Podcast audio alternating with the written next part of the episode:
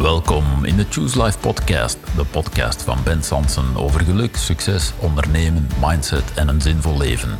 Mijn gasten en ik brengen je inspiratie voor de volgende stap in jouw persoonlijke groei.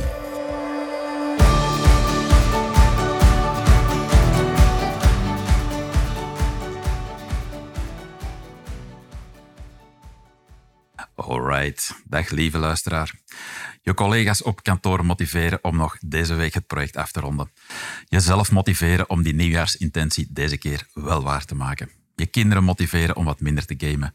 Of, als het om mij persoonlijk gaat, gemotiveerd blijven om elke dag minimaal één uur fysieke oefeningen te doen in het kader van revalidatie. En in alle eerlijkheid, ik ben het soms behoorlijk beu en het kost me wel eens moeite. In organisaties blijkt dat 30% niet gemotiveerd is en meer dan 50% zelfs fout gemotiveerd is. Met welke inzichten kan je zo'n uitdagingen beantwoorden? Dat vroeg ik me af en daarom nodigde ik Hermina van Quali uit, die als expert en auteur, auteur daar heel wat over kan vertellen. Welkom Hermina, blij dat je er bent. Hallo, hallo. hallo, hallo micro. Uh, Hermina, jij bent een motivatie-expert. Je weet alles over de zelfdeterminatietheorie en je schreef er ook een heel mooi boek over. De Mhm. titel spreekt behoorlijk aan, motiveren zonder controleren. Mhm. Ik ben heel nieuwsgierig naar al je kennis, naar de wetenschap daarachter. Ook naar hoe we dat praktisch kunnen toepassen, zowel in ons gezin thuis als op de werkvloer. Ehm, en daarmee gaan we aan de slag. Mhm. Heel graag, heel graag. Dat hoopte ik al. Goed, ehm, de luisteraar kent het format. We starten altijd met een, eh, met een vaste knop, zeg maar. Daar rolt dan een vraag uit. Ehm, dus zeg jij maar op welke knop ik meteen mag duwen. Ik ben nieuwsgierig naar knop 3. Naar knop 3. Ja. Voilà. Wat drijft jou het meeste in al wat je doet? Wat drijft jou het meeste in al wat je doet, Hermina? Um, amai, dat is een mooie vraag. Wat drijft mij het meeste? Ehm, wat ik... Enfin, het is direct wel een pittige vraag. Oké, Eh, dat is ja, maar- We Maar- dat we hem niet zouden inoefenen. Exact, Ja. ja. En ik probeer ook altijd ehm, ja, een heel authentiek antwoord eh, te geven. Dus ik, ik laat hem even binnenkomen. Ehm, en voilà, ondertussen komt het al het, ja. naar boven. Ehm, ik ben dag in dag uit bezig hè, met eh, de zelfdeterminatietheorie. Ja. Ehm, een, eigenlijk een heel droge, saaie wetenschappelijke theorie. Ja, Ja. Oké, nu zijn we meteen tien luisteraars kwijt, maar... Maar, maar, er Ja, komt voilà, een maar, er absoluut. komt een maar. Daar twijfel ik niet aan. Ja. Ehm, daarnet, ik hoorde u zeggen, jij kent alles ervan. Wel, ik ga al direct nuanceren. Nee, ik ken er niet alles van. hè. Er zijn meer dan 70.000 artikels rond gepubliceerd. Ik heb ze niet allemaal gelezen. Maar ik durf wel zeggen dat ik er veel van ken. En dat ik ook de basisprincipes ervan ken. En wat mij drijft is... Ik kreeg ooit de vraag... Ik ben onderzoekster, ja, dus ehm, psychologe. Eh, ik heb een doctoraat gemaakt, alweer een beetje saai, sec, droog. Rond kwaadheid trouwens. En eh, dan langzaamaan hè, HR binnengerold als HR Research Expert. Alweer expert diepgang, wetenschap, onderzoek. Ja. En ja, die theorie kwam op mijn pad. Ehm, en ik werd heel snel woordvoerder. Hè. Dus ik, ik, ik eh, deelde de resultaten. En er kwam iemand naar mij, een HR-director, en die zei, zeg Hermina, super resultaten, mooi verhaal. Kan jij dat eens in mijn organisatie komen doen? Mm. En ik keek die persoon aan en ik zei, ah nee, nee, sorry, eh, Ja. ik ben onderzoeker. eh, Ja, Maar, wow. Maar die, vla- die vraag bleef hangen. Mm. En dan ben ik gestart. Dat was van, dat kan toch niet? Hoe kan dat nu dat ik wetenschap... Waarvoor dient wetenschap? als we dat niet kunnen... ehm, en dan heb ik toch wel een vijftal jaren beetje ehm, in het begin geworsteld en dan gedacht van, maar hoe kan ik dit nu overbrengen? Want waarvoor doe ik het? Hè? Mhm. En dan komen we direct weer bij uw initiële vraag uit. Ehm, ja, als ik zie hoe dat zo'n fantastische theorie gebruikt kan worden door mensen, dat is, dat is wat mij drijft. Een, een heel gefun- Dus ik ben geen weet, eh, motivatiegoeroe. hè. Het is niet dat ik zeg, bij mij werkt het zo, dus ik moedig... Nee, wat het verhaal dat ik breng is wetenschappelijk gefundeerd. Alleen de artikels zijn nogal saai, sec, moeilijk soms. En jij maakt echt de vertaling naar het echte leven, zeg maar. Exact. En de vertaling, en dat is, ik noem dat zelfs een doorlevende vertaling, want mm. ik gebruik de ZTT dag in dag uit. Ik sta er soms, als ik s morgens um, om zeven uur moet opstaan voor whatever, ik gebruik het ABC. Als ik gisterenavond, ik ben een fantastische serie aan het kijken, um, mijzelf moet motiveren om te gaan slapen, mijn ABC en de vier motivaties. Dus, en het is pas als je het in jezelf voelt, dat je merkt van verdorie, dat is zo krachtig, dat ABC, mm daar ga ik direct meer over zeggen. De, de, mensen weten wellicht nog niet waarover het gaat. Mhm. Ja. Dus we gaan het inderdaad hebben over die zelfdeterminatietheorie en je mm over een ABC en zo gaan we straks absoluut op in. Maar jij bent gedreven om echt die vertaalslag te maken naar, eh, vanuit de theorie, de wetenschap, naar de praktijk en wat je ermee kan. Dat doe je mhm. vooral in bedrijfscontext, denk ik. Vooral in bedrijfscontext. Um, maar het is iets meer dan dat. Ik, ik ik, krijg, ik wil ook mensen in beweging krijgen, inzichten geven, een soort aha-erlevenis van oei, dit, de, de ZTT, zelfdeterminatietheorie, is soms een beetje een um, tegen-intuïtieve theorie. Uh, het schudt mensen wakker. Het heeft mij alleszins wakker geschud. We zijn niet zo opgevoed. Ehm, maar eens dat je erin in mee bent, ja, het, het schudt je leven omver. En dat is wat. En dat gaan wij ook doen met deze podcast vandaag, mhm. ja, zoals altijd. Uh, want je zegt mensen in beweging krijgen, en dat is precies waar het om gaat. Hè, van, mhm. Kom in beweging, doe wat mhm. bij jou past. Uh, ik ga gewoon even beginnen met enkele cijfers die ik van jouw website plukte. En ik ben heel benieuwd uh, naar de achtergrond daarvan. Ik las op jouw site: 20% van de leidinggevenden vertrouwt zijn of haar medewerkers niet. 30% is niet gemotiveerd, zoals ik net al zei, en 50% is zelfs fout gemotiveerd. En wat ik nog straffer vond, 55% vindt dat zijn leidinggevende niet goed kan motiveren. Ja, mhm. dat is best schrikken. Klinkt voor mij als Houston, we have a problem. is het ook zo problematisch gesteld met onze motivatie van onszelf en op de werkvloer? Mm Effectief, hè, die cijfers. Um, ja, die... Um daar zit heel wat achter. En dat is ehm, wat ik ook bedoel als ik mensen wakker schud. Heel vaak denken mensen, ik heb goed, sterk gemotiveerde medewerkers. Maar we vergeten dat mensen heel sterk gemotiveerd kunnen zijn voor iets, maar heel slecht, negatief. Um, het is dus, eh, ja... Dus dingen gaan doen om de verkeerde reden, eenvoudig gezegd. Wel, dat is uh, eenvoudig gezegd. Misschien kan ik heel kort hier de vier motivaties al inbrengen. Mm, goed. Oké. Eén ehm, reden om iets te doen. Um, ik noem dat de flitspaal. Um, ik vraag dan aan mijn publiek wie remt er wel eens voor een flitspaal. Ja, ja. Um, Heel veel mensen steken... Ja, zijn, zijn dan zo eerlijk om te zeggen ik? Ja. Ik, ja. En dan de vraag, en wie trekt er daarna terug eens op? Onlangs gaf ik een lezing voor uh, politiezone Vlaams-Brabant. En ook daar werd, werden, gingen de handjes in de lucht. Um, dat is externe dwang. We doen iets omdat het moet van anderen. Ja. In... En zolang die andere er is, zoals de flitspaal, passen we ons gedrag aan. Is die andere er niet meer, dan Exact. vallen we in het oude gedrag. En we moeten de flitspaal zien. Ik heb gisterenochtend een boete betaald. ja, Ik had hem niet gezien. Shit, dus als we de straf niet zien of de beloning is niet hoog genoeg of voldoende genoeg, dan doen we het niet. Hè. Dus die externe dwang zal ook niet voor iedereen even sterk werken. Maar we worden niet blij van een flitspaal. Het is vreselijk vermoeiend om op die manier leiding te geven, bijvoorbeeld. Hè. Exact, exact. Er is heel veel controle nodig. Um, ja, dat, dat, uh, mensen gaan ook alles doen om aan die flitspaal te ontkomen. Hè. Dus als ze zeggen, ik wil met mijn motto snel naar de zee rijden, dan zoeken ze op waar staan de flitsers en de trajectcontroles en ze pakken een andere weg. Ja.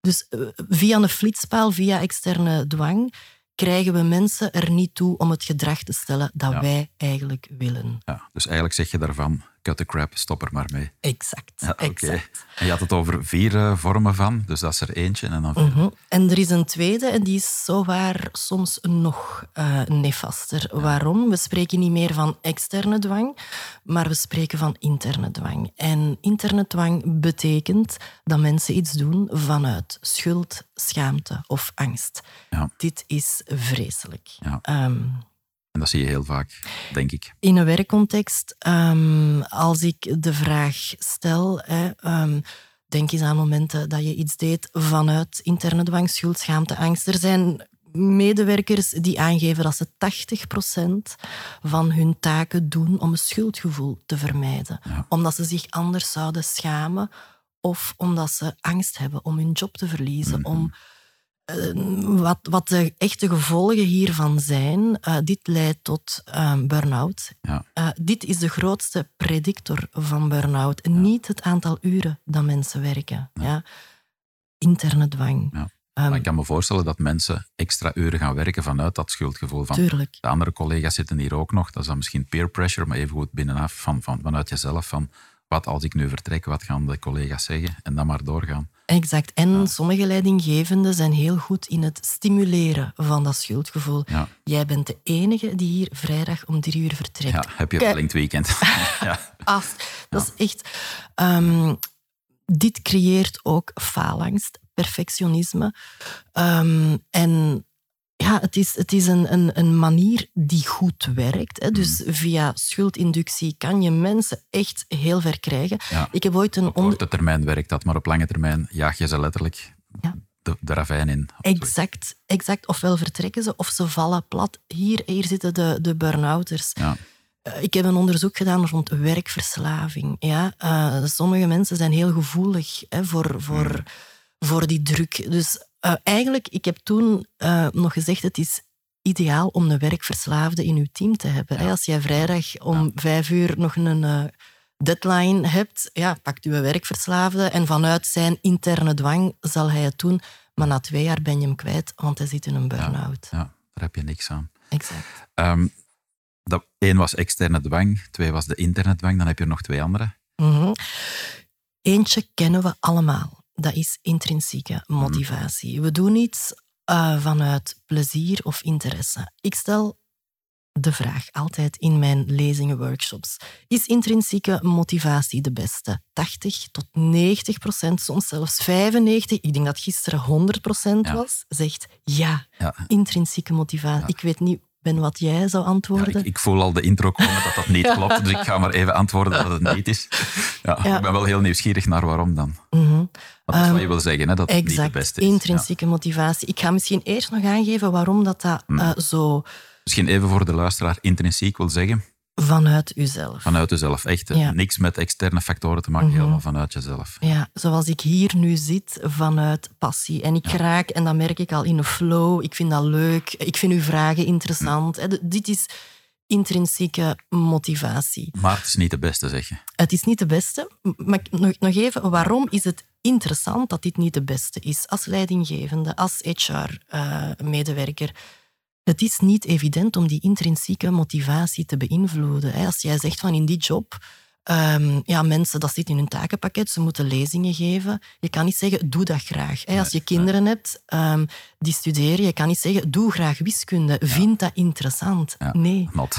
Nee, dat, dat, gaat niet. Maar dat proberen we wel. En of, wat, wat, wat zeggen de klassieke motivatietheorieën? Ah, of stoppen met roken. Hè. Niemand doet dat graag. Intrinsieke motivatie is er soms niet. Hmm. En wat zeggen de meeste motivatietheorie. Ah, we gaan een beloning geven, jongen. Als jij 70% haalt op wiskunde, dan gaan we ja. naar de Efteling. Ja. Maar dan kom je terug uit de externe beloning. Exact. Of we kunnen nog zeggen, jongen, wij hebben zoveel geïnvesteerd in u en al die tijd en wat dat wij als ouders hebben opgegeven, of als leidinggevende, mm. maar alleen al die opleidingen die jij hebt mogen volgen en nog altijd lukt het u niet om. Hè, dus ja. Um, intrinsieke motivatie is er niet altijd. Het leven is een pak meer kan niet altijd leuk zijn. Hè? Mm. En gelukkig, en dan gaan we naar de vierde vorm van motivatie.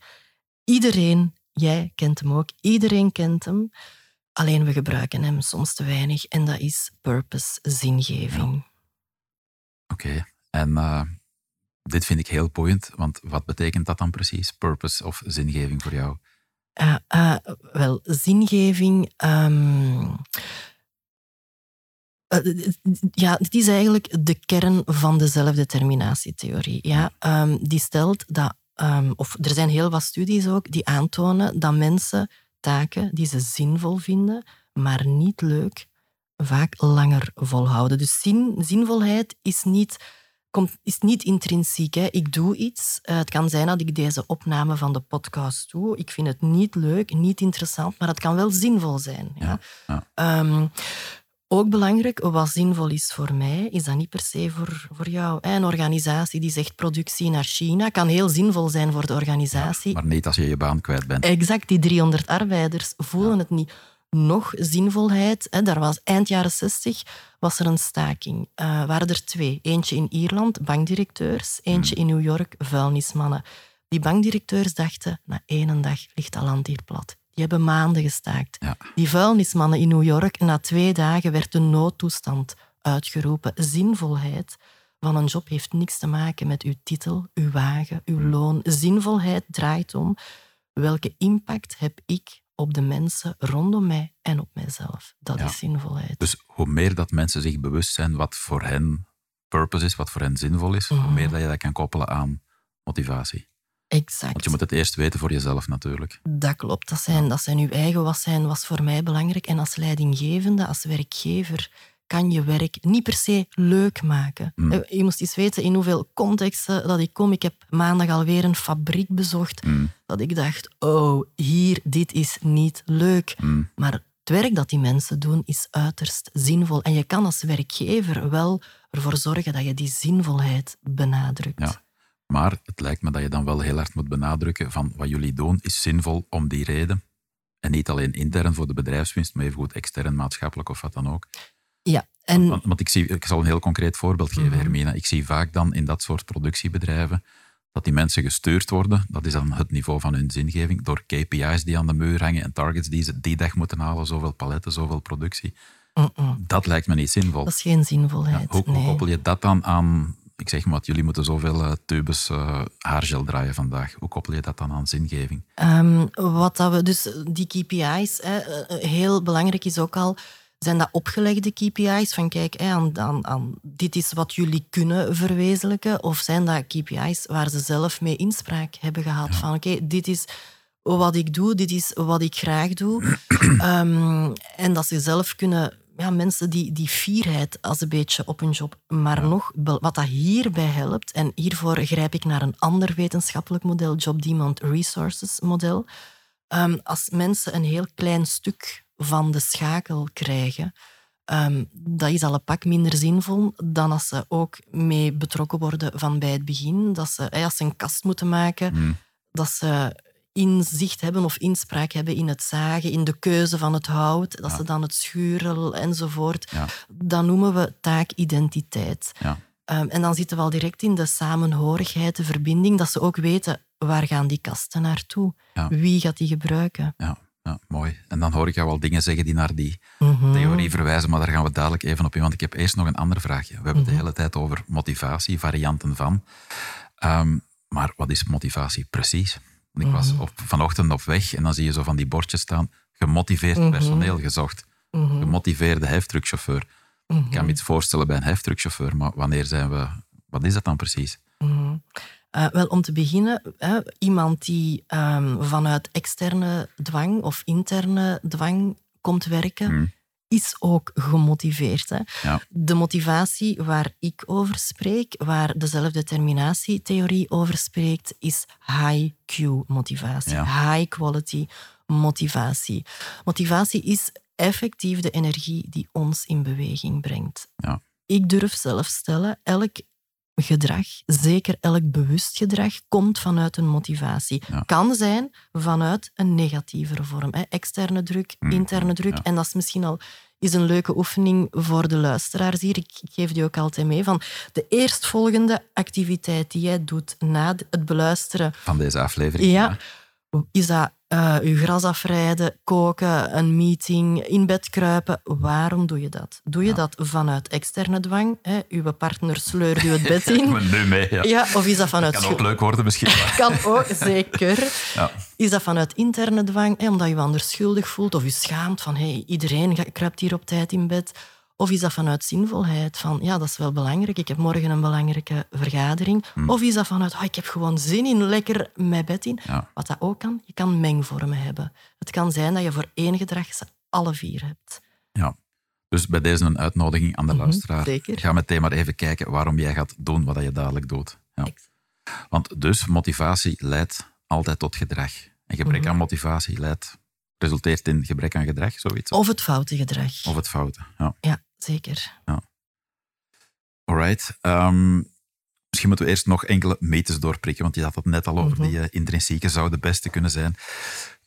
Zou je kunnen zeggen dat sommige medewerkers niet te motiveren zijn? Dat de theorie niet werkt, bijvoorbeeld? Wel, ehm, vanuit onderzoek blijkt dat de zelfdeterminatietheorie een universele theorie is. Ja. Ja. Enkel en alleen. Ehm, er is een groep mensen voor wie ze minder of zelfs niet werkt. Ehm, het stukje rond het ABC hebben we nog niet. Hè, Daar gaan we dadelijk op in. hè. ja, maar, maar ik kan zeker al zeggen voor welke groep de theorie. Dus de titel van het boek is Motiveren zonder controleren. Er is één groep mensen in onze samenleving die dit boek nooit zal kopen, Hmm. maar wel het boek Motiveren met controleren. En dan heb ik het over mensen met een ehm, ja, antisociale persoonlijkheidsstoornis, narcisten, En psychopaten. en psychopaten of Ja. sociopaten. Ja. En waarom? Dat zijn mensen die behoefte hebben aan macht, status, controle. Die gaan net als iemand een behoefte uit, die gaan daar heel goed naar luisteren en die gaan dat direct gebruiken om... Om te manipuleren. Exact, dat is het Ja. woord. Ja. Ja. Ja. Alright, maar dus laten we hopen dat dat niet de grootste groep is. Dat dat, Zeker niet. Nee, nee, 1, 1 op 100 op ongeveer. 100, hè. Ja. ja. eh, maar voor, voor al de rest werkt het wel. Dus Ja. eigenlijk is iedereen te motiveren. Behalve dan die enkelingen. Dat, maar dat is nu net het mooie aan heel dit verhaal. Iedereen, want soms krijg ik hè, van... ehm ah, Ermina, tof verhaal, komt dat eens doen. Hè, en dan altijd het directiecomité, de hogere manager, eh, managers. Af en toe krijg ik nog eens de gesandwichte manager. En als ik dan vraag, en de arbeiders, de uitvoerende... Wauw, ah, ja, dan komen er heel wat redenen. Ehm, het is gek, maar het is alsof het idee leeft dat arbeiders eh, geen zinvol werk kunnen doen. Terwijl dat... Ja. En als we en alleen straks... maar werken als je ze controleert. Exact. En beloond. Ja. Eh, terwijl als we straks op het ABC komen, ik wil heel graag even terugkomen op die arbeiders, want er is Ja. zoveel ehm, mogelijk. ABC werkt zeker ook voor Hermina, we gaan er meteen nu over beginnen. Want de luisteraar denkt al de hele tijd, ZDT, zelfdeterminatietheorie en ABC, waar hebben die het in godsnaam over? Mhm. Vertel eens, die theorie en die ABC, waarover gaat dat precies? Ah, ja, oké. ABC. Heel belangrijk, het zijn geen competenties, eigenschappen. ABC zijn behoeften. Ja, en nu, meestal zijn er al mensen die, "Huh, behoeften, gaat het hier ehm, over wat ik nodig heb? Exact. ABC zijn universele aangeboren behoeften. Dat betekent dat iedereen ze heeft, ook uw arbeiders. Ja, Ja, dus het ook, vertrekt altijd vanuit jezelf, de behoefte die jij hebt. exact. Ja. Ja. Maar ook kinderen, ouderen. Hmm. Eh, alle culturen. Ja, en er, is, er, is, er zijn 700 onderzoekers bezig rond die zelfdeterminatietheorie. Elke dag wordt het gechallenged. Geloof me vrij, elke onderzoeker zoeker wil een stam in Afrika vinden waar het ABC niet, voor werkt. Ja, ja. Een stam vol psychopaten. die wel. Ja, ja. oké. ehm, ik, ik ben heel nieuwsgierig, want op de schoolbanken krijgen we helaas nog altijd Maslow eh, voor Mhm. de kiezen. Ik denk dan vreselijk achterhaald en wellicht niet eens wetenschappelijk Zeker onderbouwd. niet. Nee. Nee, dus oké, goed. Waar staat die ABC dan precies voor? De A, het is een containerbegrip, dat weet ik. Ja. Wordt heel vaak fout ingevuld. Autonomie. Autonomie. Kijk, maar ik ga direct, echt, ik kan niet wachten om eraan toe te voegen. ja. Want Nee, ik zou denk ik persoonlijk niet de term autonomie Nee, gekozen Even hebben. los van de A, welke term zou dan beter passen volgens jou? Eh, vrijwilligheid. Vrijwilligheid. Vrijwilligheid, Ja. ja. Dus autonomie, dan denken mensen snel aan doe maar lekker je goesting. Maar dat werkt natuurlijk niet. Absoluut niet. dat werkt niet in gezinnen, als het gaat over peubers, maar evengoed niet in teams. Ehm, maar vrijwilligheid, kan Mhm. je daar iets meer over zeggen? Als, stel je voor, wij stappen straks in de wagen, ja, in uw wagen, Mhm. jij rijdt. Eh, ik rij zelf niet, dus ik heb zelf niet hè, het, het in eigen handen, maar ik ga mee met naar waar jij gaat. Dat, dat kan vrijwillig zijn. Ja. Dus mijn behoefte aan autonomie wordt vervuld op het moment dat ik vrijwillig ergens instap. Dit laat ook heel veel marge voor leidinggevenden. Ja, je mag beslissingen nemen. Ja, je mag zeggen, zo gebeurt het. Hè. Maar altijd aftoetsen hoe groot is die vrijwilligheid. Ja. Ehm, En dus geef je bepaalde kaders aan waarbinnen die vrijwilligheid kan. Zoiets? Exact. Een Ja. onderdeel van autonomie is structuur. Ja, heel vaak wordt gezegd het omgekeerde van autonomie is structuur. Nee, het omgekeerde van autonomie is controle. En het omgekeerde van structuur is chaos. Ja. Dus ik geef altijd, als je, als je werkt op die autonomie, alsjeblieft, focus ook op een kader, op structuur. En dat, dat geldt zowel in een werkcontext. Sommige mensen hebben een pak meer structuur nodig, maar ook in een gezin. Als je gewoon kinderen hebben nood. Ik merk dat ik heb er zelf vier. Ja. Ehm, eh, ik heb, het al, ik heb een, een puntenbarometer opgesteld. Dat is structuur. Ik had heel veel schrik van hoe gaan ze daarop reageren. Maar fantastisch. Die kinderen die hebben nu een code groen, een code geel en een code rood. En ze weten perfect... En heel concreet, want er zijn uiteraard heel veel luisteraars met kinderen en ik heb er zelf ook twee. Ik ben heel nieuwsgierig. Hoe heb je dat dan precies gedaan? Het is een beetje naar analogie van de coronabarometer. Exact, die ook gebaseerd is op de zelfdeterminatietheorie. Ja. Maar dus als het, de punten niet goed zijn, dan heb je een soort rode code, of hoe gaat dat dan? Wel, ik heb ehm, een aanzet gemaakt. Hè. Ja. Code rood is, ik zeg maar iets gemiddeld onder de week per week. Dus ook aangegeven, we beginnen maandag, we eindigen vrijdag en we meten vrijdag. Ja. Mm. Ehm, de punten gemiddeld onder de 60. Ik- Notas van de leerkrachten en hè, een aantal eh afspraak, ehm, ja, zaken die voor mij en voor hun ook belangrijk zijn. Hè. Ik ga daar niks in zetten dat irrelevant is voor, hè, voor hun. En dan heel eenvoudig, code geel is allemaal iets hoger, code groen is proficiat, chic, eh, gemiddeld meer dan 70. En dan heb ik er gevolgen, afspraken, regels. Indien, code rood, geen gsm op de kamer, om tien uur in bed, enzovoort. Een aantal code groen, hè, afspraken met vrienden, volledig, eh, hoeveel... Dus Dus als ik het goed begrijp, Hermine, het niveau van autonomie, van vrijwilligheid stijgt naarmate de punten beter zijn. Of Ehm? Nee, want ja, eigenlijk wel, maar dat is niet de opzet. De opzet is dat er regels zijn die gelinkt zijn aan de resultaten. Die ze, en die regels hebben een nut. Kijk, als zij... als- Dus hè, mijn, mijn, eh, het gaat vooral voor mijn twee oudste zonen, 12 en 14. ehm, en als zij slechte punten hebben, dan is het zinvol dat zij op tijd in hun bed kruipen. En dan is het zinvol dat ze hun gsm niet mee op hun kamer nemen. mag ik even een vervelende vraag stellen? Of Ja. even de puberpet opzetten? Dat is zinvol voor jou, maar ook voor hen. Zien zij dat zinvol aspect daar dan van? Ehm, alvorens met die puntenbarometer te starten, heb ik aan de twee jongens gevraagd: Wilt je nog verder gaan met deze richting? Ja, Ja. Dus de oudste doet Latijn. Hm. Eh, mijn eerste suggestie was: Simon, stop met Latijn en doe dan. Nee, mama, ik wil het. Dus dat is wel een hele Ja, belangrijke. Gekoppeld aan iets wat voor hun belangrijk is. Exact. En ik heb gezegd, oké Simon, als, het, als dat voor u zo belangrijk is, dan gaan we een, een structuur, ook al om elke week de discussie te vermijden. Hè, van, ah nee, en nu is het heel... Dus ik heb die barometer voorgelegd aan hun. Ik had mij verwacht aan weerstand. Ja, ja. En, en zeker mijn tweede zoon, dat is ook iets persoonlijk. ehm, maar die heeft nog meer eh, nood aan structuur. Hij heeft heel veel eigenschappen van een autisme-spectrumstoornis. Die jongen las dat. Fantastisch. Ja. Ah, dat gaf rust voor hun. Ja. Het enige wat ze zeiden was, mama, hier staat studeren op vrijdag. No way, hè. op vrijdag, nee. Ja. En zo heb ik wel de gevolgen, de afspraken, de regels afgetuned met hun. En, ja, en, en zondag is het wel hè. Oké, dus het aantal uren op zondag geminderd.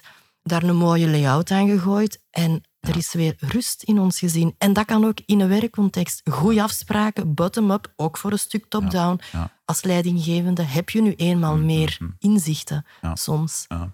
En, en je zegt van, als we dan in die rode zone zitten op de barometer, dan gaan we minder gsm gebruiken of dat Mhm. soort dingen. Klinkt voor mij toch een beetje als straffen en belonen. Klopt dat of niet? Ik weet dat dat zo klinkt, maar het is geen straf. Dit is opvolging. Ja. Ja.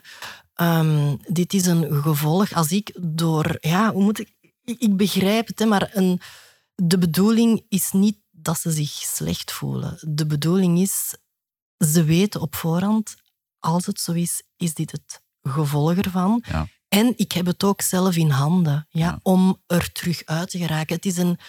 ehm, ik denk volgens de definitie, psychologische definitie van straf klopt het. Hè. Je neemt iets af, dat is een straf.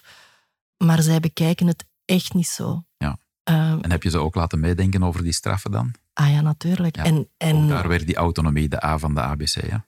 Ja, zeker. En ehm, er kwam, ze weten dat dat niet leuk is Hmm. voor hun, maar ze weten ook waar hun eigen valkuilen zitten. Hè. Mijn oudste ja. zoon, natuurlijk betrap ik hem er soms op dat hij, als ik hem ga wakker maken, dat zijn gsm naast zijn kussen Ja. ligt. Dus ik weet het en hij kent zichzelf ook. Ja. Dit is een regel die zinvol is, want hij wil goede resultaten neerzetten. Oké, en dus eigenlijk help je ze een stuk. Ik help hun via een mooie structuur. Nu, pas op, hij is nog maar... Dit is de eerste week in werking. Ja? Oké, is goed. Heel Ik kom- spannend. Ik kom binnen een half jaar terug voor de evaluatie. Ehm, ABC, autonomie, de, de twee andere letters komen dadelijk wel. We hadden het over die basisbehoeften die zo belangrijk zijn waaruit, van waaruit we gemotiveerd zijn. En net voor we de opname begonnen, had je het ook even over hoe dat je zelf onlangs met je eigen bouwproject hè, werd geraakt in die autonomie. Wat gebeurt er dan precies? Kan je er iets over vertellen? Of?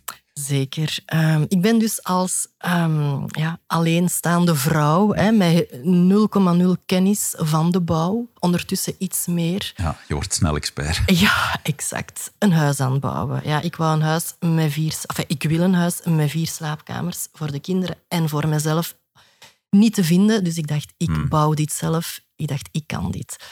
Maar ehm, na een tijdje... Enfin, er was ineens een gesprek waaruit ehm, bleek dat er een aantal keuzes waren die ik niet kon maken. Heel dom, maar voor een vrouw belangrijk. De kleur van de dakpannen. Ja, Ja, die was gemaakt in de snelheid van het proces. Eh, er waren nog zaken waar ik budgetair in een bepaalde richting... Ja, Hermina, sorry, als je dat wilt, ja, dat kost zoveel duizend euro meer. Ik dacht dat dat kon. Enfin, dat- Dus ik voelde me enorm gefrustreerd. Ik werd verplicht die dakpannen, dat viel nog mee, want ze hadden gelukkig de kleur gekozen die ik ook zou kiezen. Dus mijn vrijwilligheid was wel hoog, maar ik moest een aantal keuzes maken waar, waar ik vrijwillig niet voor zou gekozen worden. Mhm. Wat dat, daarna, de B en de C werden ook gefrustreerd. Na dat gesprek, ik, ik, ik, ik wist niet wat dat er aan de hand was, maar ik Mhm. viel volledig stil. Al mijn energie was weg. Ja, je voelde meteen gewoon van, ik heb hier geen zin meer in. En Echt. Ah, maar ik, ik heb letterlijk gezegd, ik wil ermee stoppen. Ja. Maar echt waar. Ja, ik dus- wou er ook mee stoppen. Dus dat droomproject van jou, doordat Mhm. je geraakt wordt in hè, de autonomie, zeg je meteen, want het hoeft niet meer. Mhm. Ja, ik werd, het is breder. hè. Ik werd geraakt in mijn drie Ja, basisbehoeften. is goed. Eén, eh, één Laten we dan maar even naar de P gaan en dan kunnen we dadelijk terug naar jouw eh, ervaring gaan misschien. Is dat oké voor jou? Zeker. Ja, dat is goed. Hè? Het B staat voor binding, verbinding, Ja, of betrokkenheid, Betrokkenheid. belonging in het Ja. Engels. ja, erbij horen. Eh, exact, maar dat Ja. is een deel uitmaken van een groep. We zijn hier samen. Ehm, vertrouwen is hier cruciaal, Hmm. maar ook het gevoel hebben dat andere mensen zorg dragen voor u en zelf zorg kunnen dragen voor anderen. Dit is verbinding. Verbinding gaat niet over het aantal gesprekken die je hebt op een dag, maar Hmm. verbinding gaat over, dat blijkt ook uit studies, hoe dieper de connectie, hoe echter ehm, hoe meer die behoefte wordt vervuld. Ja, dus de behoefte aan verbinding hebben we allemaal. We hebben die allemaal. Ja. Wat wel verschilt, heel belangrijk, is hoe we die gaan invullen. Er zijn medewerkers die zeggen één Zoom-meeting per week, dat is meer dan voldoende. En er zijn er anderen die zeggen nee, ik wil elke dag een goede babbel met mijn collega's. Dus in dat hybride werken, Mm. maar iedereen... Het is niet omdat iemand zegt, oh, ik werk liever van thuis uit, dat hij minder behoefte heeft aan verbinding. Nee, Ja, zijn, ja. of zijn of haar strategieën zijn anders. Ehm, als ik dan in bedrijven kijk, om verbinding te creëren, gaan leidinggevenden vaak zo van die typische dingen doen. In de touwen hangen in de Ardennen of naar de karting of bowlen. Dat is het niet, hè? Wel? Ehm, wel, dat kan. Dat kan- dat dat kan kan, leuk zijn. heel leuk zijn. Ik citeer, of ik refereer je al te graag naar Dirk de Wachter. Hè, die zegt van het is in het delen van lastigheid. ja, het hoeft niet allemaal leuk te zijn. Exact. En, en met je vriend hè, zo gaan karten of whatever of bowlen, dat is leuk. Maar de echte verbinding is er als die vriend u om drie uur s'nachts wakker belt. In hem- tranen. En jij er voor hem bent. Exact. Dat is verbinding. Ja. En dan worden mensen geraakt. Ja, ik, die, die, dat verhaal raakt mij elke keer. Want Mhm. dat zijn de zaken die, die ook op een werkvloer vaak er niet voldoende zijn. Omdat wordt, ja nee, werk is werk. En nee, Mm. mensen zijn mensen en mensen komen naar een bureau en zij werken. Ja. Maar die schakelen dat allemaal niet Dus jij uit. gelooft ook expliciet niet in het verhaal eh, werk is werk en privé is privé. Zo werkt Nee, het. omdat de, de mensen in het werk en in de privé zijn twee keer dezelfde mensen. Ja. En het ABC is van toepassing op je werk, maar is ook van toepassing thuis. En als jij s'morgens een stressy ochtend hebt gehad, wat dat vaak gebeurt, of s'avonds ruzie met je partner, ja, Mm. dat zit nog in je systeem en Ja. je brengt dat mee naar het werk. Ja. En dat kunnen delen Mhm. vanuit verbinding zorgt voor meer gemotiveerdheid. Exact. Ah, enfin, dat zorgt voor de goede motivaties. De goede, Dat zorgt ervoor eigenlijk dat mensen gaan flourishen, dat er meer eh, eh, concentratie, flow, positieve emoties. De ZTT stelt ook dat er een enorme samenhang is tussen welzijn en prestaties. Ik weet niet of jij dat herkent of de mensen, maar als, als, we, als wij ons niet goed voelen, als wij angst hebben, boos zijn, Dan doen we niks. Of- of, Exact. Ehm, dus die twee zijn. En, en door ABC-vervulling ja, voelt je goed en dan gaat je automatisch. ja, ehm, ja, ja. beter presteren. Mhm. En om dat soort dingen te kunnen delen, bijvoorbeeld, hè, dat je zegt van ik heb gisteravond ruzie gehad of eh, een, een vreselijke ochtend. Mhm. Wat is er dan nodig op de werkvloer?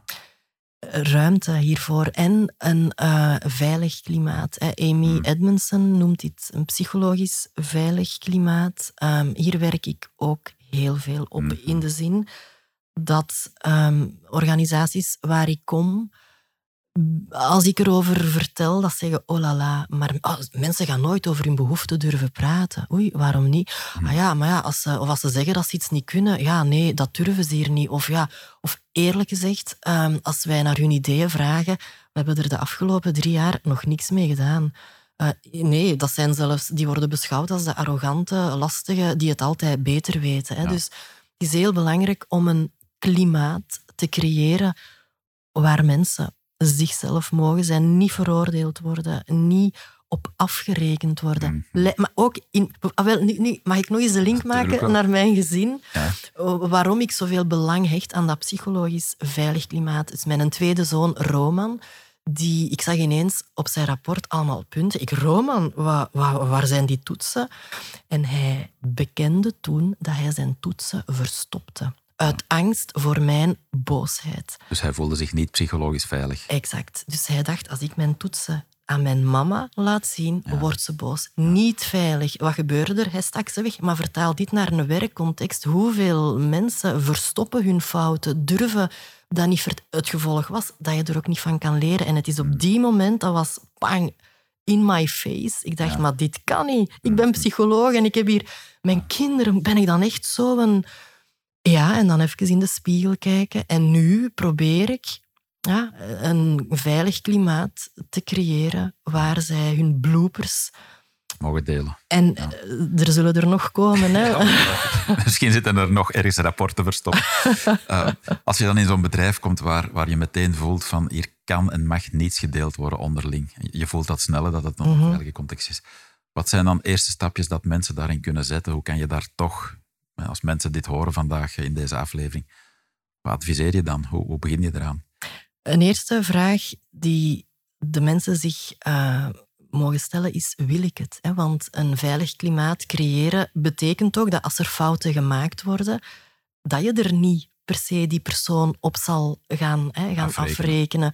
Ik heb ehm, een paar maanden geleden een wall of mistakes ge- geïnstalleerd. Ehm, wat betekent dat? Dat was, om, dat was een bedrijf waar het heel moeilijk ging. Hmm. En elke keer als er een, een fout werd gemaakt, werden de mensen aangemoedigd om die fout op de muur te zetten met de belofte, we gaan er u niet op, hè, maar we willen gewoon weten wat hier gebeurt, wat hier leeft. Daar kwam een van de eerste fouten, was per ongeluk 300 pagina's eh, uitgeprint met een foute whatever header. Of, exact. Wat gebeurde er? Ik, oh shit, ik heb dat ook al voor gehad. Oh nee, en hoe heb jij dat opgelost? Ah ja, maar je moet dat doen. En door die ene fout, Ja. daar was op een paar, maar echt waar, op een, kwam daar zo'n gevoel van, van behulpzaamheid en uitwisseling van kennis. En daar werd gelachen. Ja. Dat is fantastisch. Dus mijn advies is ten eerste bij jezelf even reflecteren. Ga ik dat kunnen? Volg misschien even zo'n mindfulness-achtige cursus heeft mij ook geholpen om niet Ja. boos te worden bij de punten van mijn zone. Ja. En dan gewoon ook zelf aangeven waar je iedereen blooper toch. Tuurlijk wel. En dat gewoon, en echt, en die eerste fout krijgen was het moeilijkste. En na een tijd, kwamen zaken op. Dus, en dat gaf zo'n gevoel van herkenning, van oh, ik ben niet de enige. Dat is fantastisch. Dat is ook voor een stukje delen van de lastigheid. Hè? Want als mensen iets, een fout gemaakt, die proberen dat weg te steken en te camoufleren. En, en ze voelen zichzelf ook nog eens zeer incompetent. En als ze dan zien, ja, maar die heeft dat ook al gedaan. Is, we, zijn allemaal, we zijn geen robotten. Hè? Nee. Dus door het te delen krijg je meer verbinding, zitten mensen beter in hun vel en kan je natuurlijk ook de fouten beginnen aanpakken. Uiteraard. En je voelt je ook minder incompetent, omdat je weet, ja, ik ben hier niet de enige. Want hè, zo, zoals dat, dat voorbeeld van dat printen, dat was een zeer capabele onderzoekster, maar ze Ja. kende gewoon de Word-instellingen er niet. Dus, dingen zitten. ja, maar dat kan... En, en als je dan niet durft hulp vragen, assistentie aan collega's, ja, dan maak je keer op keer Mm. die fout opnieuw. Zijn we ook niet allemaal een klein beetje, of, of toch een aantal mensen, geconditioneerd vanuit verstop het maar van thuis uit? Of, Mhm. Terwijl je het vertelt van je zoon, denk ik aan een anekdote op kantoor. Dat Caroline, mijn assistente, me mailde van ik heb een beslissing genomen, ik stond onder tijdsdruk en je gaat nu wel heel boos zijn op mij. En ik dacht, nee, ik ga niet boos zijn. Ik moest ook even slikken met de beslissing, dat is allemaal heel goed gekomen. Ik was zelfs blij dat ze die had genomen, maar meteen die reflex van je gaat heel boos zijn op mij. Nee. Mhm. Zijn Ja. dingen die we vanuit onze jeugdjaren dan meekrijgen of zo? Dat is een, een angst. Hè. Dus heel vaak als mensen niet spreken, en spreken kan zeggen ik heb een fout gemaakt, maar kan ook zeggen van kijk, hoe dat we het nu doen, volgens mij kan het beter. Hè. Dus gewoon een suggestie naar verbetering, naar innovatie. Als mensen niet spreken, is het heel vaak vanuit angst. Hè. Ja. Ehm, en angst alweer is een, een interne dwang. Is een Ja. zeer, als we dus iets doen of niet doen vanuit angst, Ja, foute motivatie. echt wel. Dus het feit dat uw collega het toch deed, fantastisch. En het feit dat ze haar angst uitsprak, Ja. dat, dat is waar dat we... Want je kan niet ineens zeggen, morgen, oké, eh, we hebben een toffe podcast, psychologisch veilig, ik ga niet meer boos worden. Dat gaat niet. Mensen moeten dat voelen. Dat, en als mensen gewoon kunnen zeggen van, kijk, ik, ik, zou, ik, heb een suggestie, ehm, maar ik heb wel wat schrik Ja. Om ze te delen met de groep. En het is pas door dan effectief niet boos te worden. Ja, misschien wel eens slikken, maar dat kan. En dan Ja. toon jij ook je emotie. Van, amai, zeg, dat is wel heftig. Ja. Maar, en dan, ik vind het wel heel knap dat jij een beslissing hebt gemaakt. Shit. En, Ja. Maar dat groeit. Misschien moet ik het nog eens expliciet zeggen. Ik weet zelfs niet meer of ik het gedaan heb of niet. Mhm. Het is vandaag secretaressendag, dus... Ah, mooi, nog- nog- mooi. nog eh, Heel grappig, maar mijn zoon, 11 jaar, zei vanochtend eh, dat het vandaag secretaressendag Ah. was. Ik denk, goed dat ik jou heb, want Caroline zou me er altijd aan herinneren en nu heb ik jou gelukkig. Ja. Alright, we hebben het nog altijd over die basisbehoeften. En We waren al begonnen bij de A van autonomie, de B van eh, belonging, verbinding, Mhm. noem maar op. En er is natuurlijk ook nog de C, competentie. Want Mhm. het woord is net al gevallen. Waarover gaat dat precies? Wel, als jij, hè, toen jij mij vroeg voor deze podcast op te, no- te nemen en jij zou zeggen, Ermina, ik wil het hebben over de verschillende bloesems in de lente, deze tijd van het jaar, dan zou ik gezegd hebben, ah, daar ken ik niet voldoende van. Ik ook niet, helaas. Ja, dus eh, behoefte aan... Mensen willen... Het zijn eigenlijk twee zaken. Eén, we doen graag zaken waar we goed in zijn. Ja? Maar een tweede is, eh, we leren ook graag. Inherent in iedereen, in elk kind, maar ook in de 80-plusser. Echt waar. eh, Mensen blijven graag leren, groeien, ontwikkelen. En dat is zowel persoonlijke ontwikkeling als professionele ontwikkeling. Ja. Dat zit in ons. En gewoon een, een context creëren hè, waar mensen iets kunnen bijleren.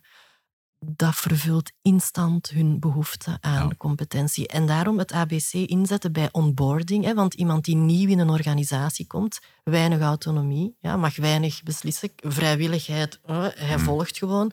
Verbinding, hij kent niemand. En competentie, ja, hij weet nog niet dat hem het kan. En als je dan op, die, op dat moment zegt, kijk, wij gaan u ondersteunen, je kan leren. Nog eens even afstemmen, hoe leer jij het liefste? Hè? Verschillende leerstijlen, daar zoveel mogelijk op intunen. In een veilige omgeving, jij mag fouten maken. En weet je wat, ik ga zelfs in uw leerproces waarschijnlijk ook fouten maken. Ja. Dat is competentievervulling. Ja, ja. Ehm, dus je zegt iedereen een kader creëren waarin je persoonlijk kan ontwikkelen en waarin je met de dingen aan de slag kan die bij jou passen. Zoiets ook. Mhm. Ja, zeker. Waar je interesse in hebt, ja. En wat als er heel wat aspecten in jouw job zijn waarin je nog niet competent bent en ook niet kan ontwikkelen, dan zakt sowieso de motivatie. En wat bedoel je met niet kan ontwikkelen? Ehm, Dat, dat de werkcontext het niet toelaat of niet wil Mhm. investeren in jouw ontwikkeling. Of, eh, ja, dan zal uw behoefte aan competentie gefrustreerd worden. Terug naar mijn bouw. hè. ja, ik Ehm, net vragen. Top. ja, we hadden inderdaad jouw bouwproject met de pannen waar het niet een andere aspecten. eh, en je zegt van, ik werd gefrustreerd op de drie de behoeftes. hè. drie. Vertel eens. Ja, de C werd bij mij gefrustreerd, omdat, ehm, kijk, ik denk wel, moest ik eh, mij voldoende verdiepen in de materie, hè, EPB's, eh, whatever, eh, ramen, dikte, isolering, vloerkeuze. Enfin, je, zie- je ziet al aan mijn gezicht dat het mij... Het enthousiasme, Ja. voor de luisteraar, het enthousiasme straalt er vanaf. Ja. Niet dus. Ja, dus not. ik... Ja, nee, ik be- ja. exact. Ik beslis om mij niet te bekwamen daarin. Dus het kan ook zijn in een werkcontext dat er stukken, de, richt, ja, dat er stukken in een job toegevoegd worden waar iemand van zegt, of, of een nieuwe software of een nieuwe tool die gebruikt wordt. Ja, sorry, interesseert mij echt niet. En, maar als je natuurlijk, ik ben dag in dag uit bezig met die bouw. Ja, dus elke keer als ik daar weer een mail van krijg, ah, ik voel mij uiterst incompetent. En nog het erge is, ik beslis zelfs om mij daar niet in te bekwamen. Mhm. En ma- mag je daar toch even een vraag Ja. over stellen? Als je zou zeggen, ik beslis om me er wel in te bekwamen, ben je dan niet meer gemotiveerd in dat hele project en minder Dat gefrustreerd? Ja. Dat klopt. En het van is waar dan de keuze? dat ik dat ook weet. Hè. Dus ik weet, als ik de tijd... Ja. Ehm, en meestal, als mensen een huis bouwen, je bent met twee, man, vrouw, de zaken die de vrouw wat meer interesseren, kleuren, whatever, eh, grootte van ramen. Eh, Maar de man houdt zich bezig. Maar ja, je bent er alleen in. Eh, Dat Ja. is, en ik, ik heb ook de ruimte en de tijd niet, en nog de interesse niet. Wat dat wel is, ehm, ik merk, soms moet ik iets Mm, weten hè, rond isolatie. Of... En het gekke is, hoe meer dat ik er eigenlijk ongewild van leer, hoe meer dat het mij boeit. Dus alweer, dit is de ZTT in zijn volle glorie. Dus ook al leer je iets zonder dat je het wil, dus de volgende, ja, de keren daarna, als ik dan een beslissing moet nemen, ik voel mij iets competenter en minder stress, minder spanning, ehm, minder angst. Mm. Ehm, het is spectaculair. Ja, ja. Je hebt het de hele tijd over eh, leren, ontwikkeling, noem maar op. Eh, even een persoonlijk verhaal. Ik heb me onlangs voorgenomen om Zweeds te leren, omdat ik leiderschapsprogramma's doe in eh, Lapland. Ik zou het gewoon prettig vinden. Ik heb zelfs al een, een abonnement genomen op zo'n studieprogramma. En ook daar, het kost me toch moeite om aan de slag te gaan, merk ik. Hoe kan ik daar die ABC op toepassen? Wel, een eerste vraag is, ehm, zou ik doen? Hè? Ja. Kijken van vanuit welke motivatie doe ik dat? Hè? Ja. Is het eh, intrinsiek? Ik denk het. Heb je er zin in? Interesseert het u of Ja, niet? Ik heb er zin in, maar iets te weinig tijd. En de noodzaak is niet oneindig groot, omdat elke Zweed, of toch bijna elke Engels. ook goed Engels kan. Maar nu even puur focus eh, op die intrinsieke motivatie. Interesseert het taal u of denk je het leerproces zal heel leuk worden? Ehm, ik denk dat het leerproces redelijk leuk kan zijn, maar ik wil vooral het resultaat dat ik een gesprek kan voeren met de locals. En dan proces we... zie ik wel als een inspanning, in alle eerlijkheid. Maar ik heb graag eerlijkheid. Hè. Dat is de enige manier. Want dan zitten we dus... De intrinsieke motivatie is redelijk laag. En dan gaan we kijken... Je spreekt direct al van het gevolg. Het resultaat, dat is extrinsiek. En dan Mm. kunnen we gaan kijken naar welk van die drie speelt hier. Het kan zijn dat ze alle drie er zijn. Hè. Eentje is, is het zinvol? Hmm. Een tweede is, doe ik het vanuit schuldgevoel of schaamte? Allee, ik, nee, ik geef... Nee, maar het kan... weinig last van. Het, het kan wel, hè, van ik kom nu al vijf jaar in Zweden en elke keer, en, ja, die mens, ik, ik, ik schaam mij te pletter. Allee, ja, ik moet nog altijd daar... Dat, dat speelt niet dan? Hmm. Nee, Oké. nee. Dus geen interne dwang, super. Dan kan het nog zijn externe dwang. Ja, de mensen daar verwachten dat van mij. Ja. Ehm, Ja, ook niet. Ik zou het gewoon zelf leuk vinden. Lijkt me echt tof. dan zitten we binnen de zinvolheid. Dat betekent high quality motivatie. Dat betekent dat de motivatie goed zit. En dan is het enkel nog omstandigheden creëren. Ja. Wat dat ik vaak merk, hè, is, is dat die interne of externe dwang toch op de ene of andere manier er nog zit, maar dat we ons er niet bewust van zijn. Interessant, daar ga ik even over nadenken. Ja. Exact. En als je dan die, ehm, zeker die interne dwang, het het ehm, boeiende en het gevaarlijke aan interne dwang. Kijk, externe dwang is, Cruje zegt, uw baas zegt, doe dit. Hmm. En jij kan zeggen, nee, sorry, dat is externe dwang. Ja. Maar interne dwang is, jij zegt tegen jezelf, doe dit. En dan ga je tegen jezelf nee zeggen. Dat betekent een intern conflict. Hmm. En dat is een pak belastender dan... En dat zijn soms conflicten die we wegsteken. Ja. Dus ik nodig u uit. Voor Ben. reflectie. nee, ik ga er echt mee aan de slag. Eh, zowel met die reflectie, maar evengoed met eh, het volgende hoofdstuk van de cursus. Want ik zit morgen op het vliegtuig, ik heb alles Ah. gedownload. En ik denk, eh, we zijn vier uur onderweg, dus ja. Mooi. Hermina, ik heb even, eh, we hebben het de hele tijd over die behoeftes hè, vanuit ABC. Ehm, ik zie vaak mensen die amper weten wat hun behoeftes zijn. Laat Mhm. staan dat ze erover kunnen communiceren. Hoe, eh, hoe kijk jij daarnaar? Ehm, klopt, hè, dat is al het. ehm, er zijn een aantal fasen hè, eh, in behoefte. Eerste is er, sorry, herkennen. Hè. Hmm. Was, wat heb ik nodig? Dat is Ja. een eerste stap. Ja, en, En- als je dat niet weet, hè, want je, je kan dat dan vragen, en als coach stel ik die vraag ook wel eens aan mensen. Maar als je het niet weet, hoe kom je er dan bij? Ehm, ja, dan, dan help ik een beetje door. Kijk, het ABC is een kader. Hmm. Ja. Ik ga het niet zo vaak ehm, opleggen, hè, maar dan stel ik, en ik denk dat jij dat ook doet, hè, een aantal vragen waardoor, en vaak zeg ah, maar iedereen heeft toch behoefte aan. En dan, ja, maar hier, voilà, dat is uw Ja. behoefte. Hè. How about you? Exact, exact. Dus het is het... Maar het klopt, hè. ik sta soms versteld van hoe weinig contact mensen hebben met hun behoeften. Wat ik hier heel vaak voor gebruik zijn de emoties. Hè. Meestal voelen mensen wel en kunnen ze zeggen welke emoties die ze hebben. Voor mij zijn emoties de signaalfunctie. Ja. Positieve blijheid, eh, vreugde, joy, dat is een teken van vervulde behoeften. Ja. Dus je bent blij, dat komt ongetwijfeld van een behoefte die je hebt, die is ingevuld. Exact. En dan omgekeerd. Exact. Angst. Dus eh, Marshall Rosenberg hè, die zegt: anger is a tragic expression of an unfulfilled need. Hè. Ja. Dus altijd, eh, dus eh, als mensen er weinig, dan ga ik gewoon zeggen: Oké, hoe voelt je? Wat voelt je? En Je dan bent boos, maar van waar komt die boosheid? Exact. Welke behoefte? Dat is natuurlijk de kracht van de verbindende of geweldloze communicatie. Mhm. Gebruik ik dag in, dag uit. Ja. Ehm, en dan zitten we al direct, hè, dus je hebt het herkennen van de behoefte dankzij de emotie. Tweede fase is het, ja, het, het erkennen, het accepteren Ja. van holy shit, dat is mijn behoefte en mag ik die hebben? Ja. Is dat wel oké? Wat gaan de mensen van mij denken? Ja, ja. Die zaken. Ja. En dan ze communiceren. Dat is de behoefte die ik heb. Ik heb behoefte, ik vind het belangrijk om. Hmm. Maar die drie stappen lijken eenvoudig, maar zijn o zo moeilijk Ja. voor heel wat mensen. Ja, oké. Maar bij deze toch een uitnodiging aan de luisteraar die ermee worstelt. Sta Mhm. even stil bij je emotie en Mhm, blij welke behoefte zit eronder die Mhm. ingevuld is. Of boos, net hetzelfde. mhm, Je hebt natuurlijk het hele gamma aan eh, emotievarianten. Hè. mhm. Ja. Ja, ja, zeker.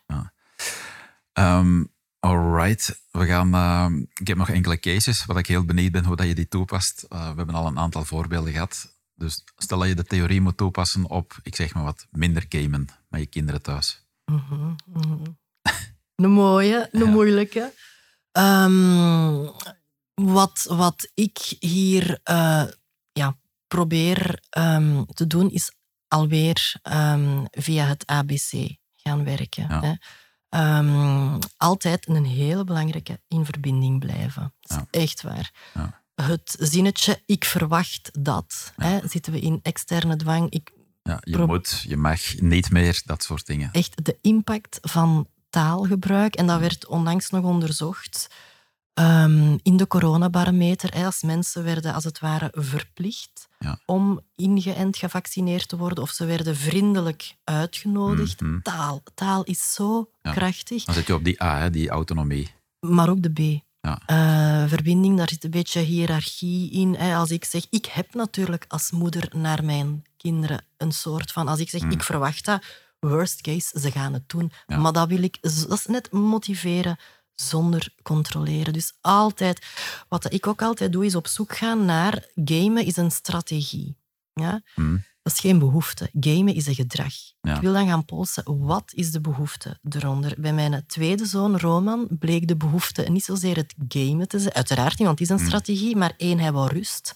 Als hij gamet, mag hij rustig in zijn eigen wereld zitten. Geen contact. Hè. Dus hij gamet ook heel vaak alleen. Alleen, ja. En een tweede behoefte die hij daar had, was competent zijn. Ondertussen kan hem het verdorie heel goed. En als hij in zijn spel zit, voelt hij zich zeer competent. Mm. En dan dacht ik, oké, de behoefte. Kijk, ik ben onlangs met mijn zoon op restaurant, mijn oudste zoon op restaurant geweest. Ik vond het vreselijk. Want ik voelde de oordelen van de mensen naast mij. Uh, maar ik zat op mijn gsm en hij zat op zijn gsm. Gezellig. Gezellig. Maar de reden was, kijk, ik wou verbinding met Simon. Ja? Ja. Ofwel, zo begon ik, Simon, alsjeblieft, leg je gsm weg. Ik keek in zijn brik. Hij zou het gedaan hebben, Ja, maar ik had geen... dwang. Ik dacht, er was, wij hebben, dat is heel gek, verbinding gemaakt. Omdat ik, hij zei, mama, ik wil even. En dat was Snapchat en hij was foto's aan het trekken. Ik zei, "Ah, wel, Simon, doe maar. Ja. Wij creëerden, en heel vaak moeten we onze lievelingsstrategie loslaten. Wij hadden verbinding via... En dan, ik heb wel gezegd, Simon, tijdens het eten... Ja, mama. Ja. Hè? Ja. Dus tijdens het eten... Voilà. Maar dus, hoe ga ik dan het gamen minderen? Hè? Dus via externe dwang. Nee, want, dat, want dan zitten ze s'nachts te gamen of, Mm, of op toilet. Marijn heeft het een tijd gedaan, een uur op toilet gamen. Ja. Ja, ja. Om, eh, dus dan, als, als je externe dwang gebruikt, gaan ze toch ehm, uitwegen zoeken. Sorry, Ja. mijn sorry. Ehm, ja. ja. Ehm, wat dat ik dan ga doen, is alternatieve strategieën zoeken voor hun. Dus Voor, ik heb voor dezelfde behoefte. voor dezelfde Dus behoeften. even voor de luisteraar, de behoefte is... Een van je zonen zit graag op, in zijn eigen Mhm. eh, ruimte. Ik Mhm. wil het woord bubbel niet gebruiken. In zijn eigen ruimte. eh, wil ook competent zijn. En dan ga je kijken, hoe kunnen we die behoefte invullen op een andere manier, met een Exact. andere strategie. Exact, Ja. dat is het. En waar kom je dan uit? Stel dat...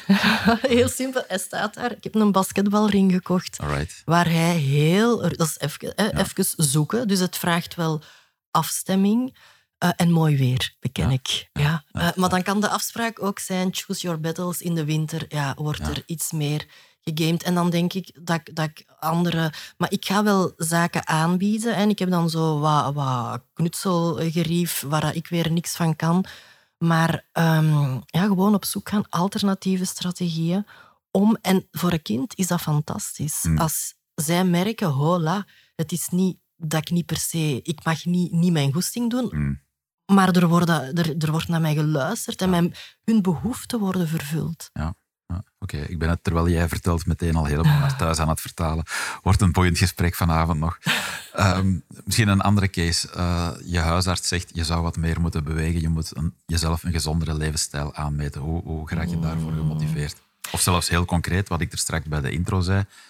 Ik heb eh, lang geleden een ski-ongeval gehad. Ik moet nog elke ochtend één uur tijd maken. En hoor ook wat ik zeg. Ik moet nog elke ochtend een uur tijd maken. In de hoop er ooit weer beter, eh, beter in te zijn. Ehm, en dat kost me best moeite om daar elke ochtend mee aan de slag te gaan. Mhm. Ja, dat, dat is... eh, Hoe, hoe houd ik me daar dan, even heel concreet in die, in die persoonlijke vraag bijvoorbeeld, hoe houd ik mezelf optimaal gemotiveerd? Mhm. Ik ben al blij dat je het woordje optimaal gebruikt. Hè? Ja. Dus hier heb je al door, als ik via die externe dwang, en ik kan mij inbeelden, hè, ehm, dat het feit dat uw dokter al zegt het moet, sowieso creëert dit al externe Mhm. dwang. Ja. Het wordt van u verwacht, het moet. Hè, en er, ik voel zelfs dat er een soort ehm, beloning aan vasthangt. Hè, van Mhm. als ik het doe, Ja. zal dit... Ja. Het enige en, en dat hoop ik, maar dat weet ik zelfs niet dat zeker. Dat, maakt niet. het lastig. Ja, absoluut. Ja. Nu, die beloning, die kun je naar een zinvol gevolg vertalen. Mhm. Ja? Ehm, dus dat is al een, een... Maar die externe dwang afbouwen. Dus proberen dat woordje moet en misschien al tegen uw dokter zeggen van anders communiceren. Van zeg, Ben, het zou echt wel... eh, Nou, ik- ik, denk dat veel heeft te maken met hoe ik er zelf over denk en, en in mezelf communiceer. Niet? Mhm. En dan gaan we naar de interne dwang. Hè. Ja. In hoeverre zit er schuld als je het eens een dag niet doet? Hè? Hoe komt dat schuldgevoel opzetten? Of misschien eh, angst? Hè? Van ja, ik ga misschien. Het is soms. Kijk, het proces is eenvoudig. Bouw dwang af, intern, extern. Ja. Hoe dat je dat doet, dat is maar gewoon al weten, echt waar, als je, en ik pas het toe op mijn joggen, als ik ga joggen vanuit interne dwang, Ik, moet gaan joggen. Ik moet gaan joggen, dus ik leg het mijzelf op. Echt waar, ik jog minder, minder goed. Ik, ik, ik verveel me en ah, het is gewoon een pak. Terwijl als het komt vanuit zinvolheid of, of zo dadelijk, ik denk dat ik even ga joggen in de zon, fantastisch, intrinsiek. Maar de kwaliteit van uw sportactiviteit is beter als er geen druk bij zit. En hier zou je zelfs kunnen zeggen, als dat schuldgevoel er zit, eerst er iets mee doen, alvorens dat je... Ja. Ehm, mm. ja. ik weet het niet, ik ben erover aan het denken, maar dat is mm straks iets voor in de auto of zo.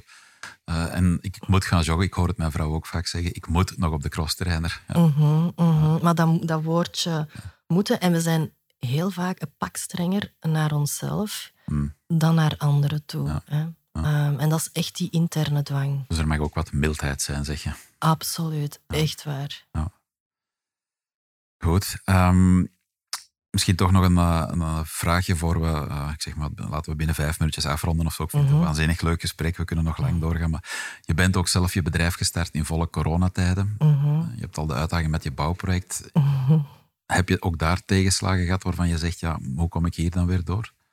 Uh, wel, het, het, het, bedrijf Flourish, ja, motiveren zonder controleren was net zeer relevant hè, hmm. in die tijd met het hybride werken, het verplichte thuiswerk. Dus dat is eigenlijk heel, dat is, eh, heel vlot gegaan. Waar ik toen wel mee worstelde, was dat ik in een eh, serieuze vechtscheiding zat, hè, waar mijn autonomie gefrustreerd werd, mijn verbinding was weg en ik voelde me uiterst competent in een rechtszaak. Hmm. Dus dat, maar ik kon, dat is echt waar, dus mijn ABC-frustratie in mijn scheiding, als het ware. Want ik heb heel wat trainingen gegeven tijdens mijn scheiding en ik heb er altijd over verteld. In de check-in, ik liet de mensen vertellen en ik zei, mag ik nu eens even vertellen over de ruzie? Behoefte aan verbinding. Exact. Ja. Ja, en dan door, door, door um, die... A Kijk, de ABC, dat is nu echt waar, heeft mij door mijn scheiding heen getrokken en heeft er ook voor gezorgd dat ik nu, desondanks het een zeer intense scheiding was, echt een vechtscheiding, dat ik nu nog een goede relatie heb met mijn ex-man. En ook de kinderen um, zijn er heel uit doorheen geraakt. Dus dat ABC, dat is zo'n krachtig, krachtig Um, Instrument. Echt waar, ja. ja. Oké, en misschien nog even over je boek. Eigenlijk hebben we het al het mhm. voorbije uur over je boek gehad, maar uh, je hebt een heel mooi boek geschreven. Het gaat mhm. over die theorie. Ook allemaal heel concreet, met leuke voorbeelden van mensen en zo. Um, voor de luisteraar die hiermee aan de slag wil, jouw boek is een soort handleiding of zo? Of, uh... Wel, misschien nog eh, toevoegen ook. Ik heb het boek samengeschreven met Anja van den Broek, hè, dus professor aan de KU Leuven. We hebben dat met twee geschreven. Um, dat is wel, dus Anja zorgt vooral voor de wetenschappelijke fundering, alles correct. En ik heb dan heel veel van die praktijkcases aangebracht. En het is, de bedoeling van het boek is effectief, als je het leest, ja, je, je, het is geen werkboek, maar het biedt wel het hele theoretische kader, de kapstok. Ja. En heel veel voorbeelden. Maar ik denk als je echt, echt zegt van ik wil met de ABC aan de slag, ja, dat is het beste via het ervaren, voelen, hmm. trainingen. Al dat niet dat zij dan zelf geven. Of, uh, ja, um, ja. Maar het is een, een heel bruikbaar boek alweer. Even goed in privé, gezinssituatie, persoonlijk, als op de werkvloer. En in de sportcontext. En in de sport. Oké, nice. Um, goed, we gaan stilaan afronden, Hermina. Um, Je werkt als expert, als consultant in bedrijven, mhm. je geeft keynotes. Mhm. Misschien toch nog een vraagje, eentje die ik was... Uh, Wanneer kloppen mensen bij jou aan en wat is dan het resultaat als je weer weg bent? Wat is er uh, veranderd? Vaak een motivatieprobleem is het niet zo vaak. Het is hmm. vooral stress, welzijn, burn-out in, een, in het kader van een welzijnsprogramma of absenteïsme. Verloop, verloop is vaak een trigger. Eh, vaak weten mensen, ja, ze voelen wel dat motivatie is, maar het zijn meestal slechte, slechtere KPI's. Hè. Uh, er zijn ook organisaties die heel preventief werken. Die zeggen, we zitten goed en we willen het zo houden en we willen een wetenschappelijke onderbouw. Ja. Dus dat zijn... En wat is het effect? Ja, ik verwijs heel graag naar flourish. Hè. Ja. Um, mensen die openbloeien. Um, teams die openbloeien. Hm. Um, ja, dat is, dat, is van, ja, dat is fantastisch om te zien. Ja, en dan denk ik terug aan de eerste vraag die uit de knop mhm. kan. Hè. Wat maakt het voor jou zinvol? En je merkt ook op het moment dat je die dingen uitspreekt, dat je mhm. zelf ook flourisht. Ja. Mm ja, zeker. En mensen die flourishen, die zetten verdorie goede prestaties neer. Echt waar, die gaan die een extra mile. Ja. Die, zonder dat ze zichzelf opbranden. Hè? Want er zit geen interne dwang. Er is heel weinig externe dwang. Maar ze doen het vanuit zinvolheid, purpose. Dat is toch fantastisch? Die extra mile zonder dwang. Ik denk dat we de titel van deze aflevering te pakken hebben. Ah. Ja, daar denken we nog wel even over na. Even heel concreet, Hermine. Uh, Hoe kunnen mensen jou bereiken? Je website is? www. En dan F, ja, Flourish, F-L-O-U-R-I-S-H, SDT. En SDT staat voor Self-Determination Theory. Ja, .be. Ja, precies. Ik zet het ook op de podcastpagina, dat mensen dat kunnen vinden. Um, je geeft ook heel uh, leuke en boeiende keynotes die uh, inspirerend zijn, maar tegelijk ook heel wetenschappelijk onderbouwd. Mm Mensen kunnen daar uh, ook via, jou, ehm, via jouw sprekersbureau Read My Lips, kunnen mhm. mensen jou boeken. Mhm. Read My Lips heeft trouwens dit gesprek geïntroduceerd. Ik ben hun ook heel dankbaar. Mhm. Ik werk ook wel eens met hun samen, dus heel leuk. Um, we gaan stil aan afsluiten, Hermina. Ik heb er straks al gezegd, ik moet mijn valies nog gaan pakken richting Zweden. ik heb nog een en ander voor te bereiden voor ons programma Into the Wild deze zomer. Ehm, als ik dan de hele ABC-theorie hoor, dan denk ik, ja, ik ben super gemotiveerd op de juiste manier om straks die valies te gaan maken. Ehm, dus ik heb letterlijk vijf heel leuke dagen voor de boeg. Wat ga jij nog doen dat je heel leuk vindt en waar je voor gemotiveerd bent vandaag of uh, dit weekend? Um, wel, ik heb wat werk aan uh, mijn huis. Ben, dus, ja, uh, ja. ja. Uh, en ik ga, ik ga zeker heel veel sporten. Dat is, maar vooral dat huis. Dus ja, bij mij, ik heb niet, niet de volle de ABC-vervulling, maar ik ga mijn best doen om alternatieve strategieën te zoeken. En het huis is af tegen kerstmis. Kerstmis. Mijn kerstboom zet ik daar al dan niet met zwarte dakpannen op. Ja, ja. oké. Ik wens je er veel succes mee met het project in elk geval. Ik uh, wil je heel hard bedanken, Hermina, voor je bijdrage aan deze podcast, maar natuurlijk ook aan een positieve wereld. Mhm. Ik was vorige week nog ergens op een feestje en ik kreeg te horen van meerdere mensen dat ze uit elke aflevering wel iets opsteken. En ik twijfel er niet aan dat jouw bijdrage vandaag ook weer heel wat luisteraars kan inspireren. Dus uh, dank je wel. En natuurlijk ook dank aan jou, luisteraars, je, of, uh, je reacties, je vragen, de acties die je neemt op, een weg, mhm. op weg naar een geslaagd leven. Dat is wat mij motiveert. Daarom kruip ik met veel plezier achter deze microfoon. En dat is wat het voor mij allemaal zinvol maakt. Dat is mijn purpose, zeg maar. Denk je dat deze aflevering of een andere voor iemand in je netwerk de moeite kan zijn? Deel dan zeker in je netwerk via Facebook, Instagram, LinkedIn. Zo help je onze missie en elkaar natuurlijk ook, zodat je op je laatste dag ooit kan zeggen: het klopte allemaal behoorlijk. Dankjewel luisteraar, dankjewel Hermina. Maak er nog een mooie dag van en zoals altijd, choose life.